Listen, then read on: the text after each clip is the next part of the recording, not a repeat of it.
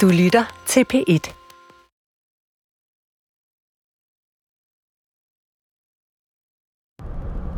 Velkommen her til programmet Pilgrim, der jo gerne tager dig med på rejser rundt i troens forunderlige univers. Jeg hedder Anders Laugesen, og i dag der er jeg på tur i min bil i omegnen af Viborg. Og når jeg er taget til omegnen af Viborg, så er det fordi, at programmet i dag er en markering af, at det er 100 år siden, at buddhismen fik sit officielle nedslag i Danmark. Det skete i 1921, da overlæge ved Psykiatrisk øh, Hospital i Viborg, Christian Melby, han grundlagde Buddhistisk Samfund. Det buddhistiske samfund det eksisterede frem til 53, og så var der stille en rum tid, indtil buddhismen begyndte at øh, komme tilbage igen med specielt den tibetanske buddhisme. Pudsigt nok, så er der her i omegnen af Viborg øh, to øh, centre for buddhisme, to forskellige former for buddhisme. Og øh, her i nærheden af Havredal, som jeg kører ind i nu, der ligger det første, vi skal besøge. 300 meter, drej til højre og følg Stendalsvej. Det er et center, som bygger på den buddhisme, som man finder i øh, Japan, øh, zen-buddhismen, øh, som man finder i Japan, Og øh, som et af de øh, steder øh, i Danmark, som der er ikke så mange af, der er der her en ægte buddhistisk mester, som øh, står i spidsen for øh, centret. Senere, vi befinder os nu sådan syd for Viborg, senere så skal vi nord for Viborg og besøge et andet buddhistisk center, som øh, er øh, tilknyttet den buddhisme, som man finder i Tibet. Så altså rigtig god fornøjelse den næste times tid, hvor vi skal besøge buddhismen 100 år efter, at den fik sit officielle nedslag her i Danmark.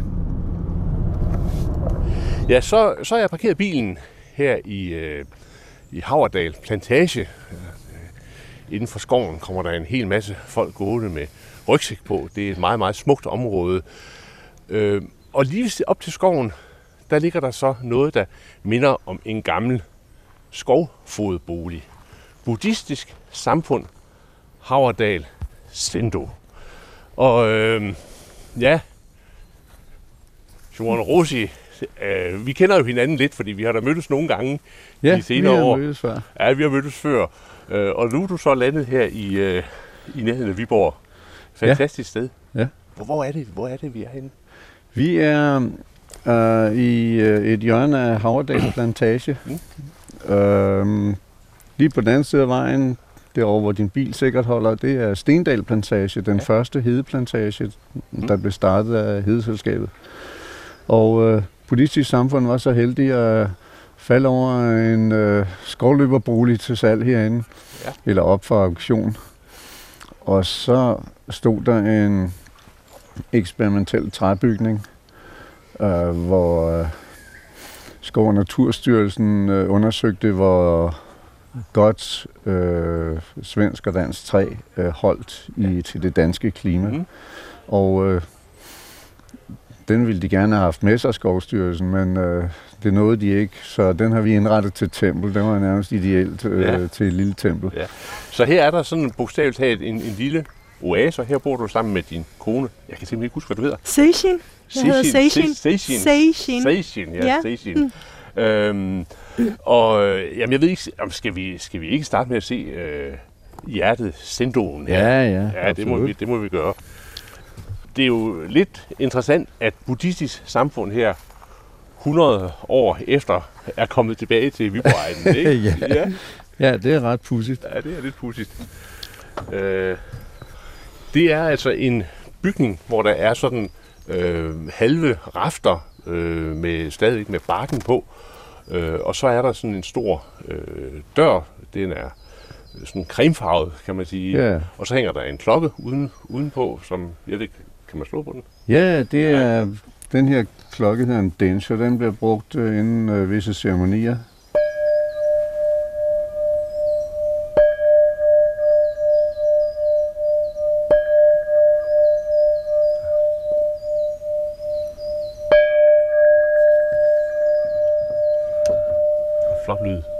Uh, den her er lidt speciel. Den lyder som en mere eller mindre japansk klokke, men faktisk er det en oversavet iltbeholder. En oversaget ildbeholder, jamen altså. Men derovre, der er der så noget andet. øh, Det, det er jo, ser lidt, må- måske lidt mere eksotisk ud. Det er en, Det er, en, en træplade, hvor der er nogle japanske... ja, der står. Shobokuju. Det betyder lad sand øh, dharma fortsætte, lad sand lære fortsætte. Ja. Og øh, den bliver brugt øh, til at betegne solopgang og solnedgang, og så afslutningen af meditation om aftenen. Ja. Og, og den er lavet meget tyk, så der går nok et stykke tid, men typisk Ja. ja. siger de, når man har slået hul igennem, så er Ja. stor fest Så, så i du har en trækammer her, du slår på.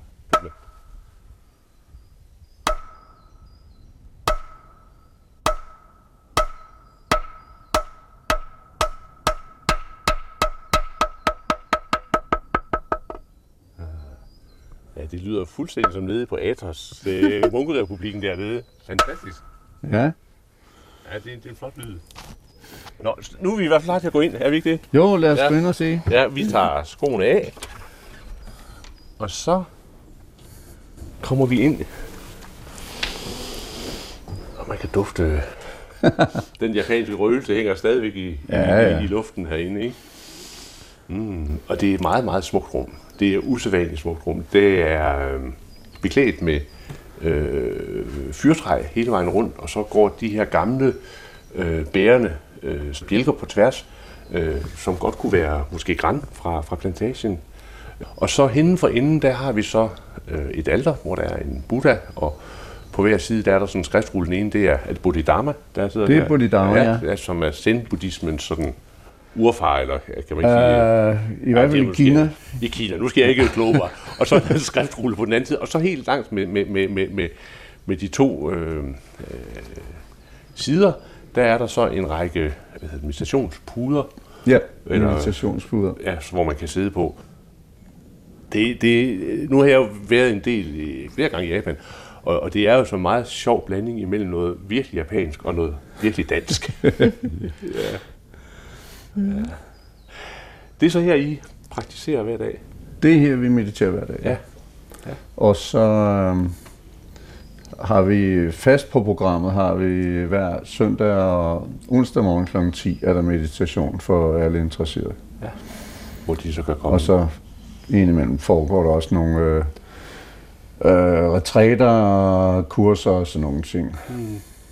Hvis, hvis man nu ser tilbage på, øh, på Christian Milby og hans, øh, hans virke øh, der i begyndelsen af Ja. 20'erne og frem til 53, øh, og han har skrevet øh, en bog, og han har skrevet forskellige øh, tidsskrifter, så kan man jo se, at, at han var jo sådan på en måde meget øh, teoretisk orienteret, øh, sådan systematisk i at finde ud af, hvad var det for noget, det der med buddhismen. Hvor- Hvordan er det her? Hvad er jeres tilgang til buddhismen? Ah, der vil jeg sige, at det er nærmest stik modsat. Ja. Vi- det, vi hedder også buddhistisk samfund, det som er øh, Melbys øh, organisation ja. gjorde. Men øh, her øh, Zen-buddhisme, som vi praktiserer her, det betyder meditationsbuddhisme. Det vil sige, vi studerer ikke tekster, i hvert fald ikke indledningsvis, men vi mediterer. Fordi, og det, det sjove er, at øh, når man går i skole eller på universitetet, så er det læreren, der fortæller en masse ting, og eleverne, der stiller spørgsmålene. I zenbuddhisme, der er det omvendt. Øh, mesteren, han stiller spørgsmålene, og øh, eleverne, dem der sidder og mediterer, de skal finde frem til svaret i deres meditation. Og det er nogle spørgsmål, der går, der er beregnet på at øh, nedbryde vores afhængighed af logisk tænkning. Så det er lidt anderledes. Og, og det er så den del af zen-buddhismen, hvor du er mester inde i. Du er en af de meget få øh, vesterlandske mestre. Det, ja. det er ikke noget, man bare lige bliver. Det er en lang, lang øh, proces. Øh, Rinzai Zen, er det ikke rigtigt, den hedder? Det er Rinzai Zen. Og så er der Soto, Soto der er Soto Zen som, som, ja. som, som er så måske den store øh, skole i det. Altså, der, der, er mange, der er mange, Rinzai er lidt mindre, er det ikke rigtigt? Sådan, lidt, færre, mindre. færre, lidt færre elever. Ja.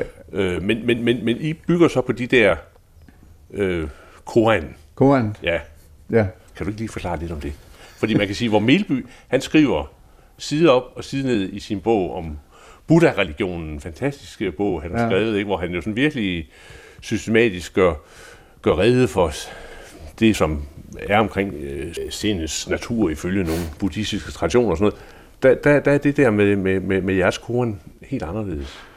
Ja, fordi som, som sagt, så går det ud på at nedbryde vores afhængighed af logisk tænkning. Det vil sige, vi bliver stillet nogle øh, spørgsmål eller udfordringer, som vi ikke kan tænke os frem til et svar. Mm. Ja. For eksempel, den dur ikke sådan i Danmark, fordi der er noget, der hedder en film, der hedder Lyden af en hånd. Ja. Men når vi klapper i hænderne, så er der en lyd. Det er lyden af to hænder. Hvad er lyden af en hånd? Det er rent faktisk et spørgsmål, som munke blev stillet i Japan i en lang periode. Mm.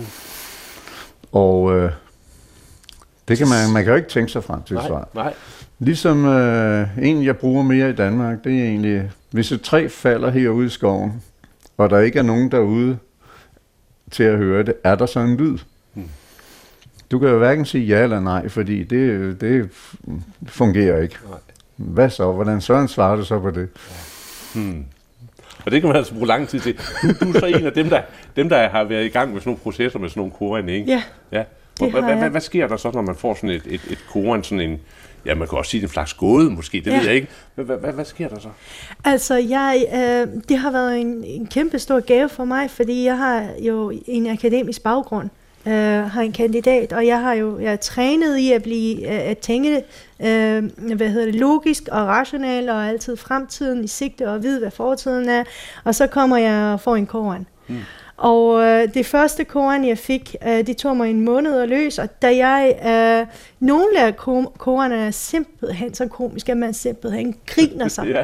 ihjel. Øh, og nogle af dem er bare simpelthen, altså det der sker med mig, jeg skete det med mig, jeg tror det sker med alle, der gennemgår det her koran, det er, at man simpelthen øh, udvider sin bevidsthed og virkelighedsopfattelse. For hver koran, så oplevede jeg, at jeg oplever virkeligheden på en ny måde. Mm. Så det er også derfor, jeg blev ved og ved og ved, og øh, jeg er næsten færdig med min koranstudie. Mm. Men det er simpelthen det der med, at man udvider sin øh, opfattelse af virkeligheden, så man ikke længere ser virkeligheden afhængig af fortid og fremtid, men reelt, hvad, der, hvad sker der her mm. og nu, uafhængig af illusioner og idéer, man har Så, i så, så I sidder her på, på, på, på, på, på rækker, når der er elever her. Ja. to rækker over for hinanden. Og hvor lang tid sidder man så stille med sin, sin, sin koran, sit lille mysterie der? Ah, øhm, en, vores almindelige øh, meditationsmøder, hvis man kan kalde det sådan, Ja. øh, der sidder vi i 45-50 minutter. Mm. Og så har vi retræter, og, og nogle af de retræter, jeg har været med til, der har vi siddet og mediteret 14 timer i døgnet. 14 timer. Det er lang tid. Hold da op. Sidder man så, Så. stille der? Uh, det bliver Ja. afbrudt af gående meditationer, ja. det bliver afbrudt af nogle måltider og Ja. en lille hvilepause indimellem. Ja. Men uh, det løber op til 14 timer i døgnet, i syv døgn i træk. Hold da. For ligesom at komme dertil, hvor du så er som, øh, som altså anerkendt, øh, certificeret, han har sagt. Ja, øh, det er faktisk min certif- certifikat, der Det er certifikat, der hænger derovre til, til venstre, okay. Øh, det, det, er jo, det, er jo en lang, det har været en lang proces, det er en lang proces øh, at gå igennem. Ja, det vil jeg nok sige. For det første er der koranerne, øh, eller de her umulige opgaver. Så er der forskellige andre praktiske ting, man skal lære. Um, øh, jeg havde, øh, hvad man kan kalde en religiøs opvågningsoplevelse i begyndelsen af min træning i kloster. Hmm. Og øh, så begyndte jeg at snakke for meget og prøve at hjælpe alle de andre Ja. ud fra min illusoriske bedreviden. Og så blev jeg ordineret som munk året efter, Mm. og så fik jeg navnet Mokudo. Mokudu. Mokudo, som betyder den stillhedens vej.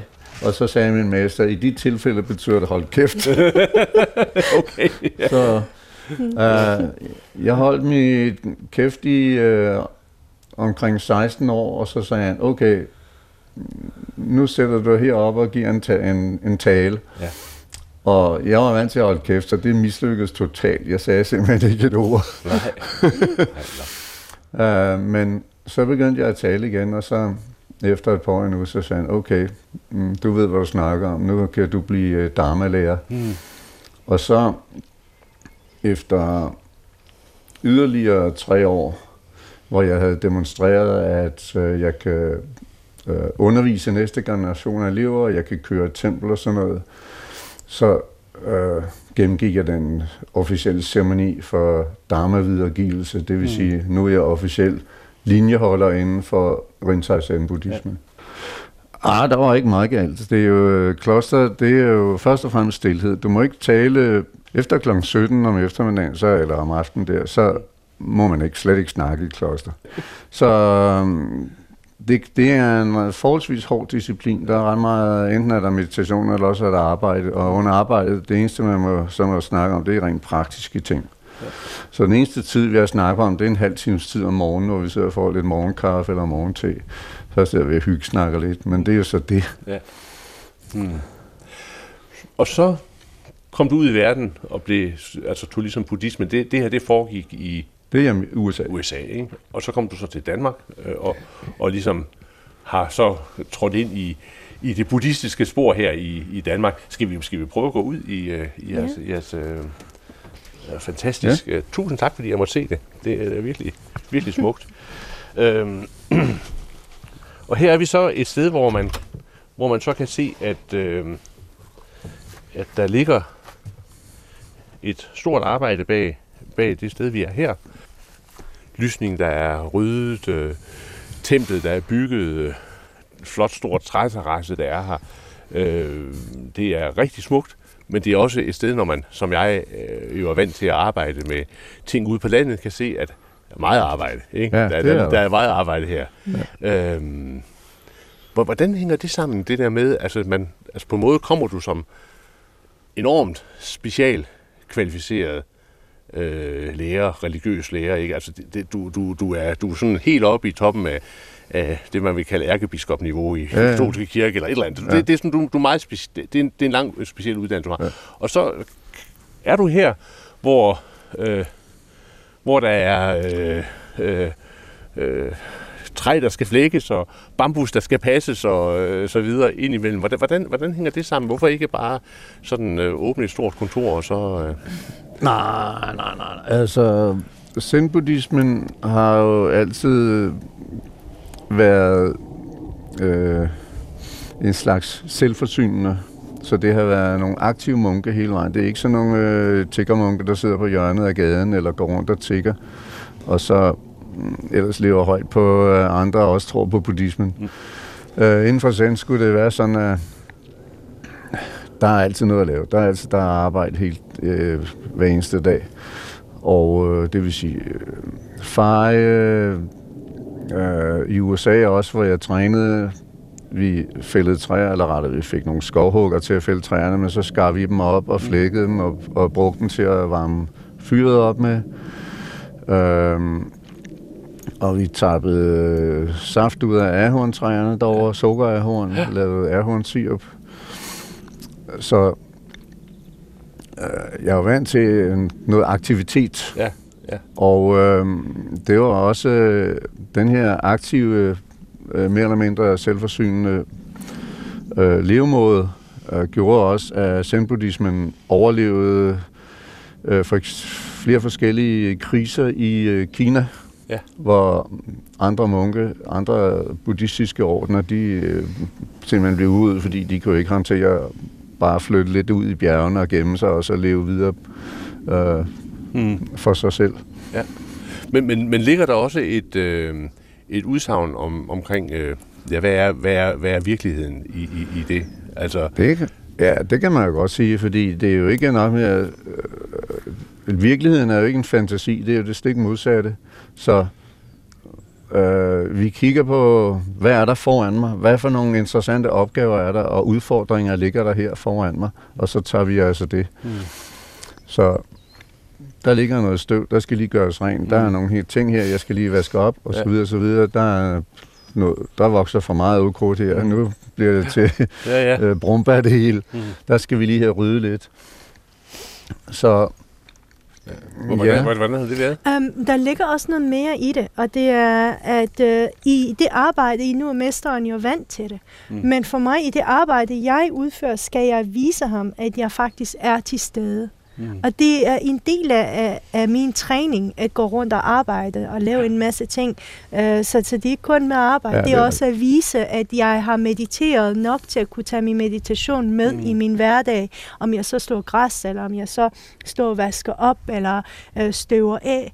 Ligegyldigt hvad jeg gør, skal mesteren kunne se. Hvad, hvad hvad forstår du ved det der med at tage din meditation med dig? Det, er- så det er lidt svært at forklare, Ja. ja. medmindre man rent faktisk har mediteret længe nok til at kunne mærke sin åndedræt. Og den åndedræt, i stedet for at gå ind i sin fantasiverden og sine tanker, den åndedræt skal man tage med i alt, hvad man udfører. Hmm. Så, så det kan man måske på en måde forklare, men det er meditativ tilstand, man er Der, i. jeg, kan, jeg kan også sige det på den måde, der er um, tre ben. Det er ligesom en trebenet stol, vi har. Det er den mest stabile form for en stol. Det er sådan en trebenet Mm. mm. malkeskammel. Ja. Ene ben, det er meditation. Det andet ben, det er øh, interview med mesteren. Det vil sige, du bliver vejledt og, og bliver guidet videre. Hmm. Og den tredje del, det er så arbejdet. Der skal du ud og demonstrere, at du har, det, du har fattet, det kan du bruge i praksis. Ja. Um, jeg har et eksempel, hvor en elev blev sat til at øh, klippe nogle smågrene af, af nogle øh, længere stammer, som vi skulle bruge til noget andet. Og så havde jeg fortalt ham, vær til stede, vær opmærksom. Og så kunne jeg ikke forstå, hvorfor det gik så frygteligt langsomt. Mm. Så jeg, hold da op, det går. Så gik jeg ud og kiggede, og så kunne jeg se, at han var ikke opmærksom på det, han lavede. Han var opmærksom på, at han var opmærksom. ja, okay, ja. Det fungerer altså ikke. Nej. Ja. ja. Altså, det er også det der med at, at uh, forståelse af, hvordan sindet egentlig fungerer. Hmm. At vi identificerer os med vores tanker, men aldrig stiller os spørgsmålet, hvor kommer tankerne egentlig fra? Hmm.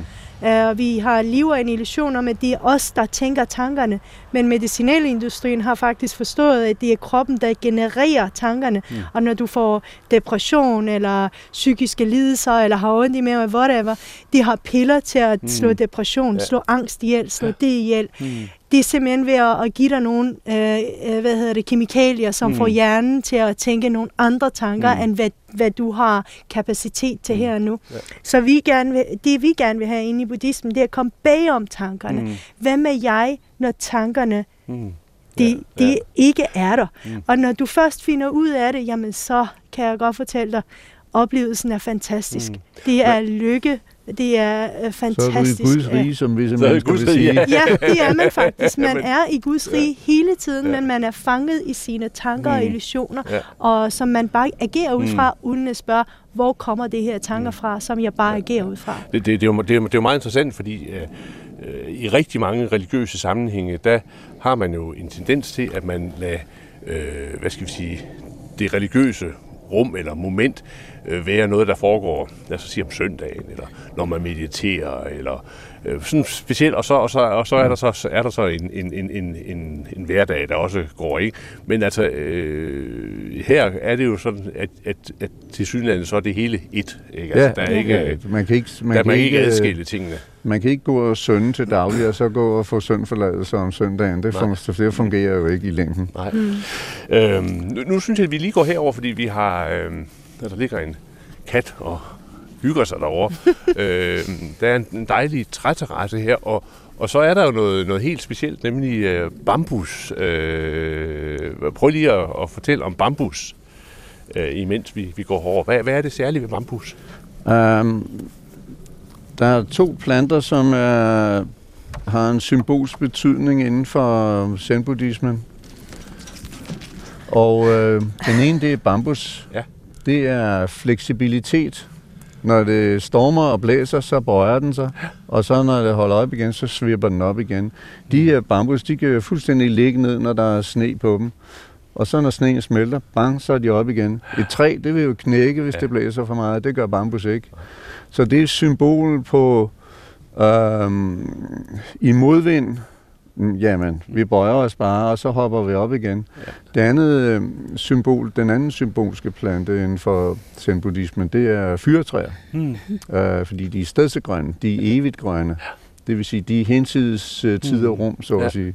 Så det er der, hvor templet det er bygget af fyrtræ. Det, er, Det kan man godt sige. ja.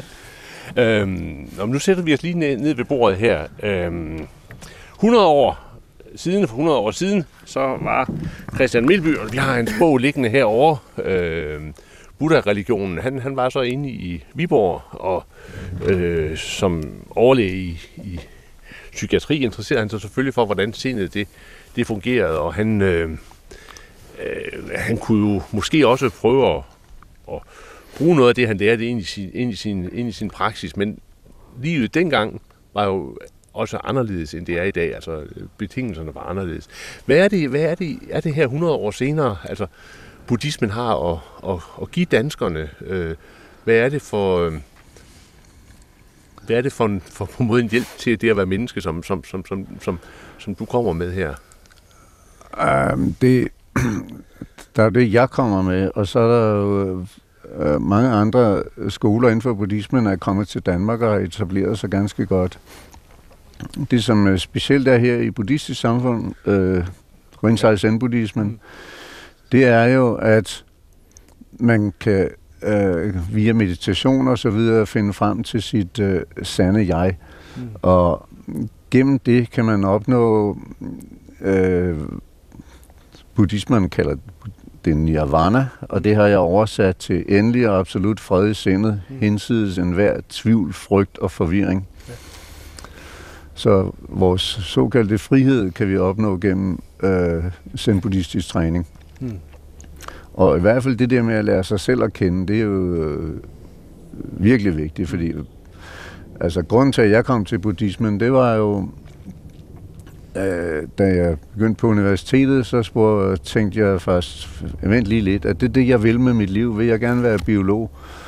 Um, men så gik det jo op for mig, jeg kan ikke vide, hvad jeg vil, hvis jeg ikke ved, hvad jeg selv er. Mm. Så derfor gik jeg ind i det her. Mm.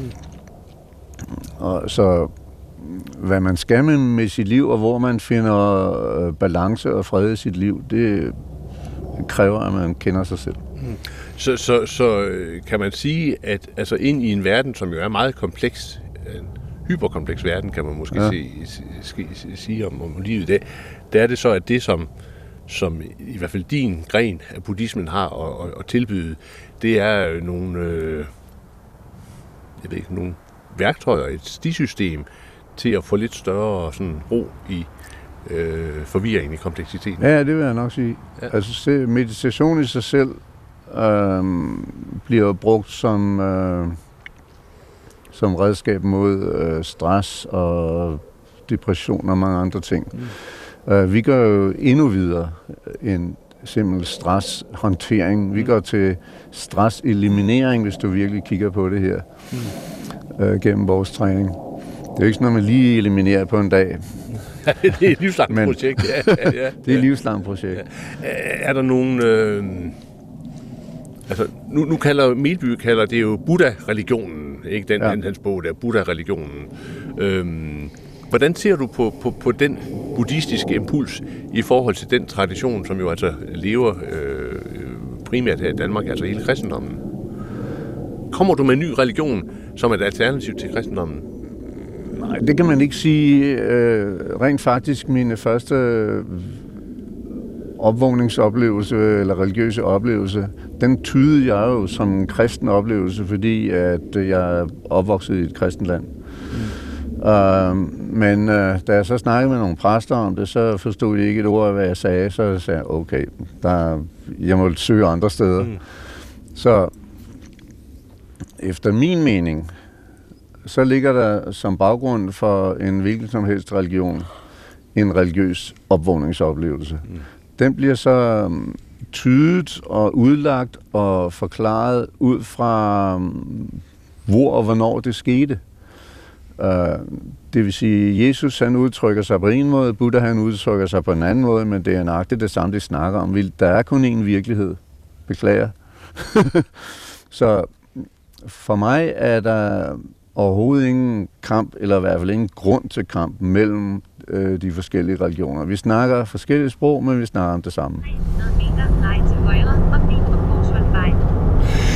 Jeg har nu forladt Sendoen i øh, Havredal og er kørt nordpå, kørt forbi Viborg, cirka tre kvarter, og drejer nu til højre af Korsholmvej op imod den lille by Vesterbølle, hvor der også er en ungdomsskole. Her er der øh, et andet buddhistisk center, øh, som har en lidt anden øh, karakter eller lidt anden øh, karakteristika end øh, det, vi netop har besøgt øh, nede ved Havredal. For heroppe, der er det den tibetanske buddhisme, som har slået rod, og jeg skal møde en af øh, de øh, folk, som har været med øh, siden buddhismens renaissance i øh, øh, Danmark øh, begyndte med besøget af øh, Karmapa, 16. Karmapa. Ham vi skal møde hedder Claus Hermansen. Så er jeg så kommet til øh, Vesterbølle, eller lidt uden for Vesterbølle. Øh, og øh, Claus Hermansen, øh, vi er i nærheden af Viborg. Vi er i øh, 100-året for øh, øh, buddhismens, hvad skal vi sige, formelle ankomst her til, til, til, til Danmark.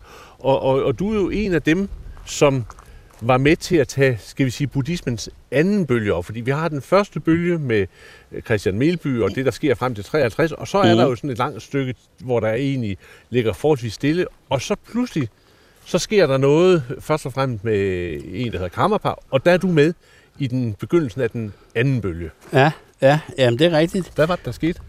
Jamen jeg havde jo, jeg blev færdig som pædagog, og skulle ud og se, hvad det var for noget, de snakkede om, øh, da de snakkede om sindets natur.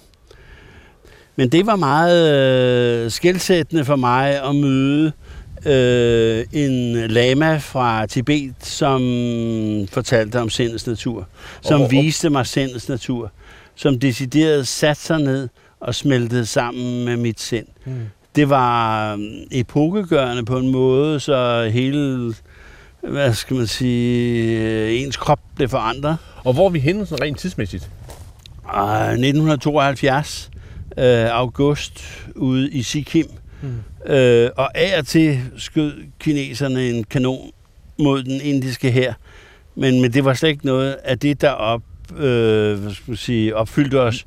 Det, der opfyldte os, det var, det var den varme, de der tibetanske flygtninge smeltede ind i hovedet på os. Ja den måde at være direkte til stede i rummet på en sådan måde, at øh, vi havde ens smag i munden. Mm. Altså det var, det var virkelig sådan, at man kunne fornemme, hvordan han havde det, øh, og han var i stand til at fornemme, hvordan vi havde det. Mm. Det var nærmest det værste, eller nej, det mest spændende, det var, at han var i stand til at kunne øh, sige, hvordan vi havde det, øh, mens vi sad 3 meter fra ham, eller 10 meter fra ham, øh, var han i stand til at øh, være i os på en sådan måde, at han kunne sige, du har lidt ømhed nede i øh, lænden.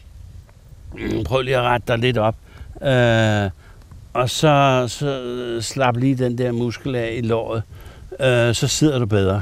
Så Claus Hermansen, du var altså sammen med nogle af de andre, han har sagt, hippier, ja. ude, i, øh, ja. ude i Østen, og, ja. og, og mødte så den tibetanske buddhisme, og ja. nogle, nogle måder at være på, som, som fascinerede jer. Ja. Og, og sammen, øh, samtidig, der var der blandt andet en, der hedder Ole Nydal, ja, ja. Som, som også blev en af de skikkelser, der så tog buddhismen med derudfra og, og, og, og tilbage til Danmark. Hvordan, hvordan var sådan den der, hvad skal vi sige, øh, transformation af det, I havde oplevet derude, og så det at tage det med øh, tilbage ind i det danske? Mm, altså Kammerbar sagde til mig, at jeg skulle lade være med at snakke om det de første par år, når jeg kom til Danmark. Uh, så det var, der fik jeg sådan en, en direkte henvisning til, at det, det skulle jeg lige vente lidt mm. uh, men uh, men uh, jeg kan huske, at Hanna fik, uh, og Ole der fik en uh, hvid tare, øh, til dronning Margrethe. Og den havde Ola og Hanna øh, med hjem der i oktober 72 og, og gav til ma, dronning Margrethe. Det er sådan en... En, en, en hvid tare, ja, det er sådan en hvid... Øh, hun hedder jo den hvide befrierinde. Det var sådan en lille... lille, ja, hvad hedder det der? Det hedder marble, hvad hedder Elfenben eller sådan noget mm. lignende, var den skåret ud i, måske en elefant tand eller sådan noget lignende. Den var i hvert fald meget, meget, meget fin, og så var den selvfølgelig besat med, med forskellige juveler og sådan noget. Det er en lille figur af en pige. Ja. Og, og man kan sige, det var så sådan måske et symbolsk Ja. øh, sådan trin i det at sige, at nu begyndte der så at være Ja. noget buddhisme, der ligesom landede i Danmark. Og så, Ja. øh, hvis man sådan skal gå frem i den buddhistiske, nyere buddhistiske historie, Ja. så kommer så øh, Karmapa, ham du Ja. har mødt, ham Ja. læreren du har mødt, Ja. øh, som var en af de mest ansete tibetanske lærere sammen med Dalai Lama, han kommer så til Danmark. Ja. Og, og der er det så, at der for alvor sker noget. Ja, ja. Altså, han lander jo oppe øh, i Oslo på, jeg havde nær sagt på Holmenkollen Hotel. Altså det der skisportsresort øh, fik han lov til at bo de første 10-12 dage der, ikke? Og så kører vi derop fra ned igennem øh, Skåne, Sverige, øh, hvor han så øh, kigger på nogle forskellige retreatsteder over ved Markarit. Øh, og så kommer vi så ned til mm, um, Olfer Fischersgade, der hvor, mm, hvor der var sat af til, at han skulle bo i, i de der dage. Øh, jeg tror, han var i Danmark nok 10-12 dage. Og han gav jo nede i Osfeldtpalæet. Altså, det var det gamle teaterhal der, ikke? som var helt fantastisk. Øh, den var jo dekoreret med guld. Øh, jeg ved faktisk slet ikke, om den eksisterer mere. Men det var meget, meget, meget, meget, meget flot dengang. Mm. Og hele gulvet var ryddet. Og der sad alle Ole Nydals øh, gamle hippievenner øh, stangskæve. Jamen, det var de altså. Det, de var så skæve, at, de ikke kunne sidde op. øh, det var, jamen, det var jo øh, ham med barnevognen og det der børneblad og og jamen, det var virkelig, det var virkelig de, de, de, de værste af de skæveste kanutter, mm. øh, der mødtes øh, derinde i Orfætto-palæet. Så, så der sidder så en af de allerhøjeste, øh, mest belæste, belærte øh, buddhistiske lærere over for sådan en, en samling starutter der i, Ja. i, Ja. i, i København, og han Ja. tager så også rundt i andre steder i Danmark. Ja. Men, men i løbet af den tid, han så er der, øh, der er det jo helt tydeligt, når man sådan taler med folk, at der skete der noget med en række mennesker. Der var en række mennesker, der fik deres liv øh, sådan vendt lidt på hovedet, øh, og, og, og der er det så, at buddhismen jo begynder at slå rødder ind i Danmark Ja. i anden omgang, ikke? Ja, ja men det var, det var meget fantastisk at se, hvordan, øh, hvordan øh, folk ændrede vaner. Øh, altså, der, der blev i stedet for at, hvad hedder det, ryge så meget tjal, som der blev gjort dengang. Øh, og det, men altså, det blev sat af, havde han sagt, øh, sagt fra. Øh, og folk begyndte at, og, hvad skal man sige, gå efter veje oplevelser. Hmm. Altså, så man ikke, så man ikke bare lige øh, tog sig en brændert, eller hvad det nu hedder. Mm. Øh, og så, og så, mm, hvad skal man sige, vekslede sådan set de der skæve indtryk med øh, daglig træning. Hmm. Og det var, altså, det var jo, altså, man kan sige, at Kammerpar satte jo en masse frø i folk. Mm. Og det var meget forskelligt, som folk udviklede sig. Altså, der var virkelig forskel på, øh, man kan sige, folks kvaliteter. Mm. Øh, og det, det, man kan, det, det, jeg synes var tydeligst, det var, at der var virkelig mange øh, kvinder, øh, som virkelig, hvad skal man sige, tog det her ind øh, som, som deres hjertesag, og fattede det der, som Kammerpar sagde, at øh, man kunne veksle forstyrrende følelser øh, med visdomsoplevelser. Mm. Altså, at der inde i vreden lå øh, chancen for at lære at analysere.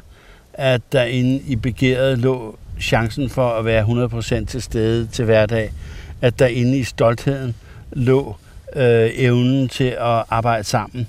Og Mm. de her øh, små frø, som var blevet sat af, af kammerpar inde i de, de der små øh, hjerter, eller ja, det, det, røg jo, det var jo en direkte hjerteoverførsel, mm. at Kammerpar lavede, når han gav dem indvielser til de der forskellige meditationer.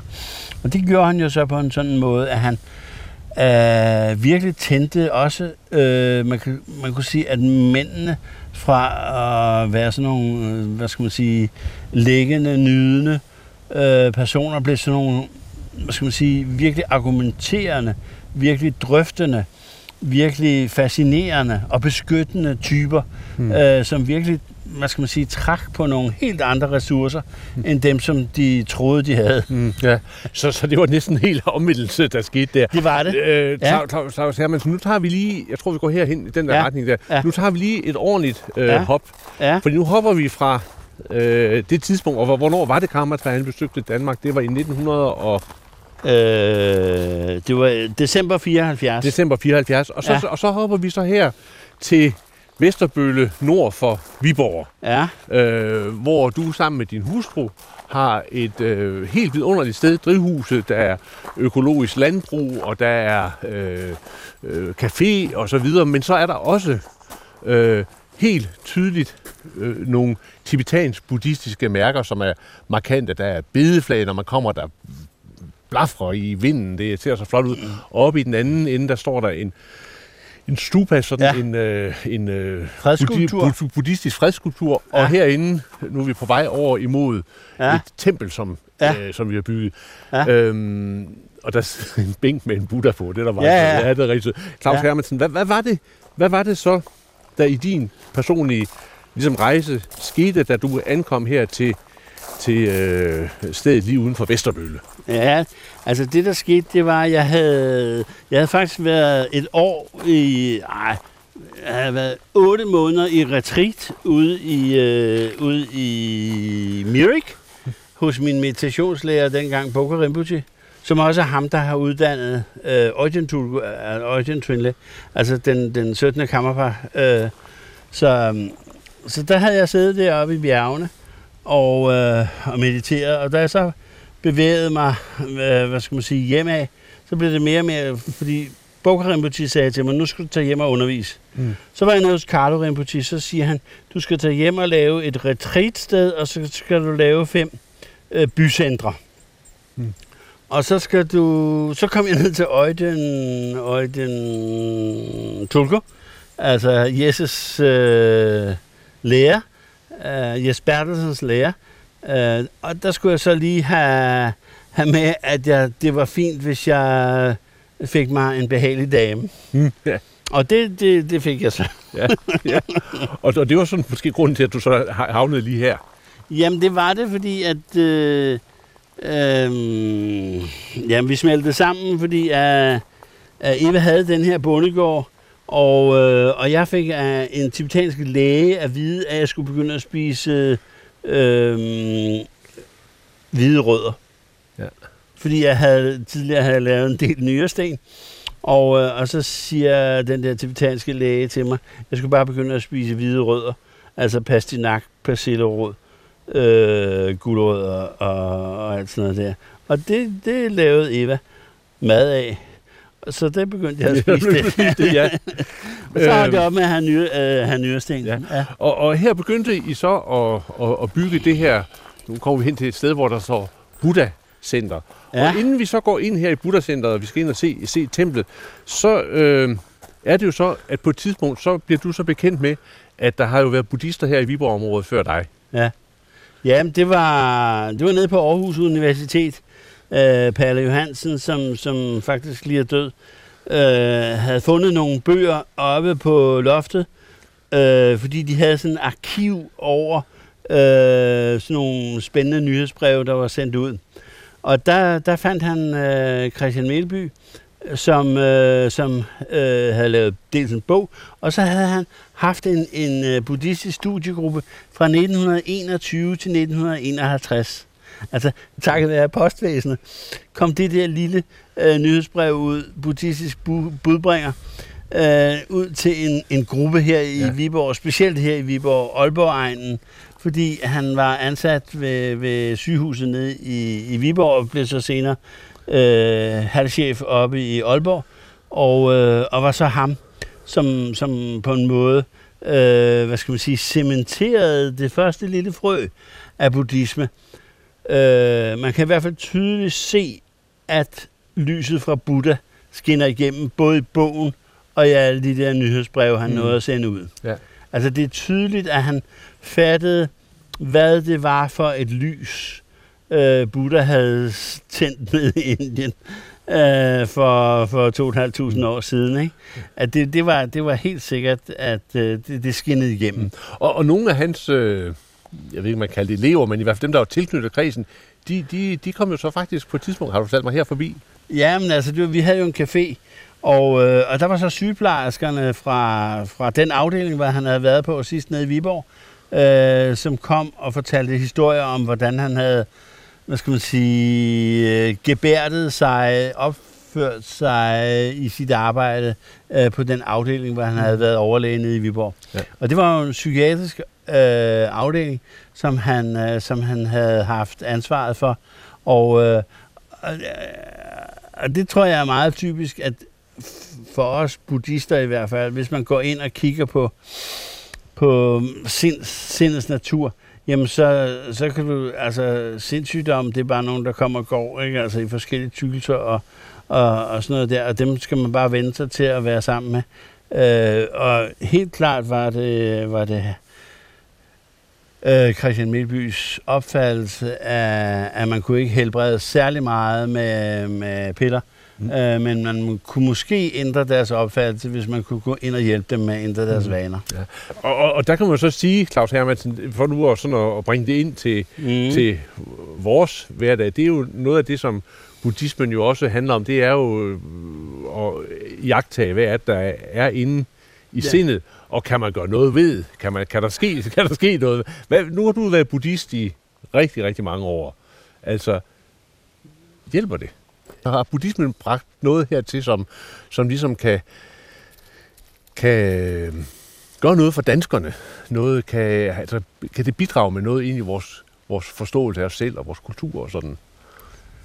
Ja, det, det, det, det tror jeg er meget. Altså, jeg tror, hvis man, hvis man øh, altså, jeg, jeg mener, de mest lydhøre, det er drenge i alderen 14 til 20, øh, som får at vide, at øh, øh, selv, altså molekyler, de opstår, forandrer sig, forgår og flytter sig hele tiden. Ikke?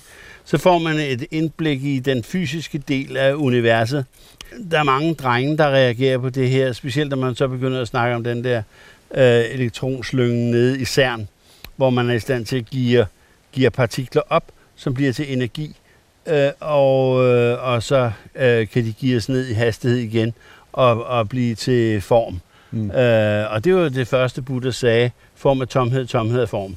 Ikke? Altså, det, var, det var simpelthen øh, hans hjertebelæring i den der sutra. Og, øh, og hvis du så tager den anden del af det, som, som jeg synes, at de fleste kvinder, de reagerer på i dag, ikke? Det er, at der inde i de der forstyrrende følelser, havde begær, dumhed, jalousi og grådighed, alle de der sjove ting og sager, der ligger der visdom, øh, som, som, som hvad skal man sige, inde i jalousien, der ved man, at der ligger en ønskeopfyldende, øh, øh, øh, hvad skal man sige, kraft om at blive gode venner mm. med, med, med, med, de personer, der er der. Og den, altså det her, synes jeg, det er spændende, det er om de her psykologiske mm. øh, bevægelser, eller hvad man skal sige, kan blive opfattet af, altså man kan sige, de er jo allerede indført på psykologistudiet øh, i Aarhus, ikke? og oppe i Aalborg øh, underviser de i af, af glad-studiet. Mm.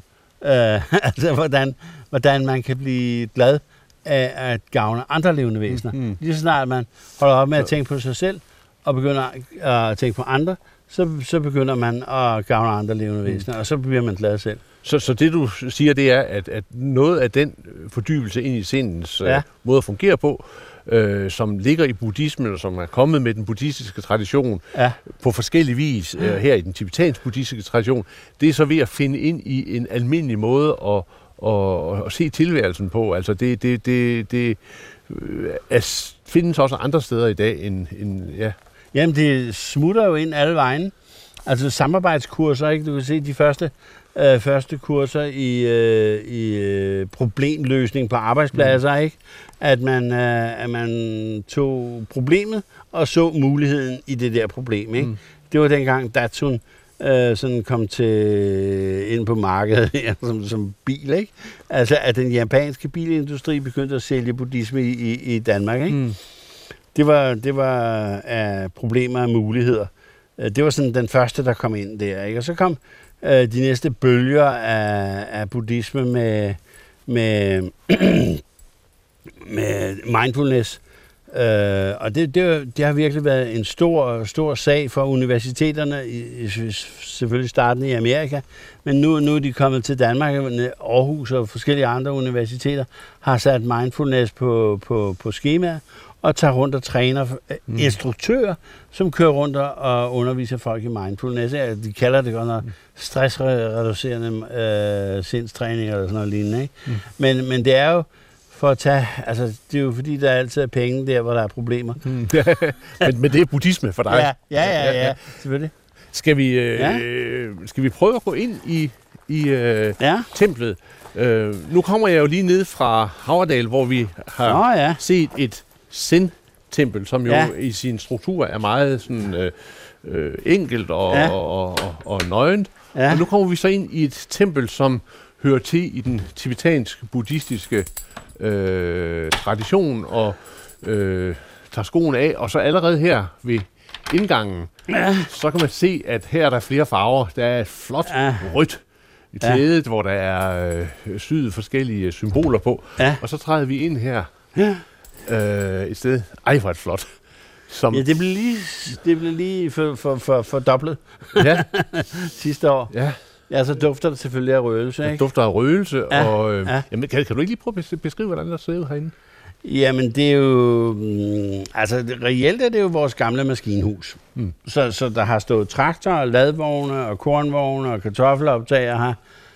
Øh, men de er nu flyttet. Mm. Og hvis jeg nu skal beskrive, hvordan der ser ud herinde, så vil ja. jeg sige, at altså, du har et alter, hvor der er den her smukke øh, Buddha, øh, guldbelagte gu- Buddha. Ja. Der er øh, forskellige skåle med, med, med noget i, der Offringer, er offringer i, der vand er og røgelse og røgelse, lys og ja. muligt. Ja. Og så er der rundt langs med væggene Ja. øh, forskellige øh, det kan Billeder. tanker, Ikon- ja, tanker, tanker, ja, ikoner, ja. tibetanske ikoner, Ja. som sådan er indrammet med øh, silkebrokade. Ja. Og så er der heroppe til venstre for aldret, Ja, en der, trone, der er ja. en trone, Ja. hvor man kan se et billede af nogle øh, Lamaer. unge Ja. lamaer, faktisk. Ja, ikke? ja, Og ja. så her i foran aldret, Ja. der er der så øh, nogle, nogle øh, ja, Små pulte. små pulte, hvor man kan sidde på en meditations... Øh, Puder. puder, og så er der en tromme, Ja. øh, og øh, altså det er jo det er smukt og, og, og farverigt, ikke? Ja, Jamen det er det. Det er, det er, det er, altså, det er lidt i tibetansk stil. Ja. Hvis det nu havde været rigtigt, så havde der været rødt på alle væggene, Mm. øh, og så, så havde der været øh, fem farver nede ved bunden. Ja. Øh, det, havde Men- været, det havde været rigtigt. Men du har sådan nogle, nogle øh, Det er sejrsbannere, øh, banner, der, bannere, her. der hænger ned fra loftet i Det er forskellige simpelthen brokader. beviser på, at vi har vundet over de forstyrrende følelser. Mm. Ja. Så det er simpelthen sådan nogle, øh, ligesom du ved, hvis man har været i krig og vundet Mm. over nogen, Ja. så det her er et tegn på, at vi har været i krig og vundet over vores forstyrrende følelser, så er vi, så er vi i stand til at handle ordentligt. Ja. Og, og når man så kommer ind i tibetansk buddhistiske templer, så bliver man jo altid overvældet af de mange forskellige øh, figurer og tegninger, som, som ser øh, eksotiske og fremmedartede ud, og buddhaer i forskellige farver og så videre. Øh, og, og der er også nogle statuer derovre, som, ja. Som er forskellige karakterer. Ja. Men, men alt det her er jo så redskaber Ja. til at gå ind og forfine sproget omkring sindens natur, ikke? Jo, jo, det, altså det, for, for, det er lidt ligesom at gå ind på et apotek. Her er forskellige, øh, hvad hedder det, medicin øh, mod forskellige forstyrrende følelser. Og øh, altså der, der, er, der er cirka 84.000 forskellige modeller øh, til at ordne vores, hvad skal man sige, fejl og mangler mm. i Ja. vores nuværende Ja. ja. tilstedeværelse. Mm, så, så man kan sige, hvis man nu for er en person, der lider af vrede, Ja, ja. så vil man finde et eller andet Ja, ja, aspekt her, som man ja. så fordyber Ja, sig i, ind ja, i en uh, absolut. sindstræning. Ikke? Ja, ja. Øh, Øhm, Claus, Claus Hermansen, når, når man så står herinde, og Ja. det ser så vældig eksotisk ud, ja. øh, så, så er det jo sådan nærliggende at, at, at, at spørge, er det her øh, er det her et sprog, der kulturelt er til at tage til sig? Eller er det, eller er det så fremmed, så, så det er sådan, øh, er lidt for, for, for, hvad skal vi sige, nogle få specialister ligesom dig? Ja, det er et godt spørgsmål, det der. Altså, jeg vil, jeg vil sige... Um, altså, man kan jo sige, at nu det der, der hedder internettet, ikke? Mm. med de der fantastiske uh, muligheder for at lave tredimensionelle billeder, uh, som uh, flytter sig rundt i hinanden og danser med hinanden og sådan noget der, så er det her virkelig, uh, hvad skal man sige, internettets uh, svar på, hvordan man... Uh, hvordan man skal opføre sig fremover. Fordi det, der er, altså hvis vi nu, hvis vi nu lige bare tager den tanke der, ikke? Mm. hvor man kan se, at der sidder en hvid fyr med en sort krone, og så har han en blå dame siddende på skødet. Og dengang den blev malet, der blev han malet med det der, der hedder et aktivt redskab. Altså en, det vil kalde, man kalde det en stiv penis, tror jeg det hedder. Men, men så blev hun placeret oven på den der og malet blå. Og de udtrykker jo fryd. Og det mm. vi helst vil have her i den her tilværelse, det er jo fryd mm. og glæde og lykke. Og den der lykkeoplevelse af, øh, af, hvad skal man sige, den, det er jo det, som folk faktisk helst vil have i dag. Mm. Ikke? Så, så, så man kan sige, lige præcis den derovre, den viser lige præcis det, øh, som øh, hvad skal man sige, hele buddhismen går ud på, at føle sig behageligt til stede. Det var, hvad vi kunne nå i dag i anledning af buddhismens komme til Viborg for 100 år siden. Jeg besøgte Jean Rossi i Havredal, Haverdal, og her til sidst var det Claus Hermansen ved drivhuset øh, i nærheden af Vesterbølle, som jeg besøgte. I øvrigt så gav Claus Hermansen mig en rundvisning i templet, som vi måske kommer til at lytte til ved en anden lejlighed. Næste uge, der fortsætter vi vores jubilæumsmarkeringer. Det er med en markering af 300 år for rytterskolernes komme til Danmark. Vi skal tale om konfirmation og dannelse. Her er der Anders Laugesen, der siger tak, fordi du lyttede med, og forhåbentlig på genhør om en uges tid. Gå på opdagelse i alle DR's podcast og radioprogrammer. I appen DR Lyd.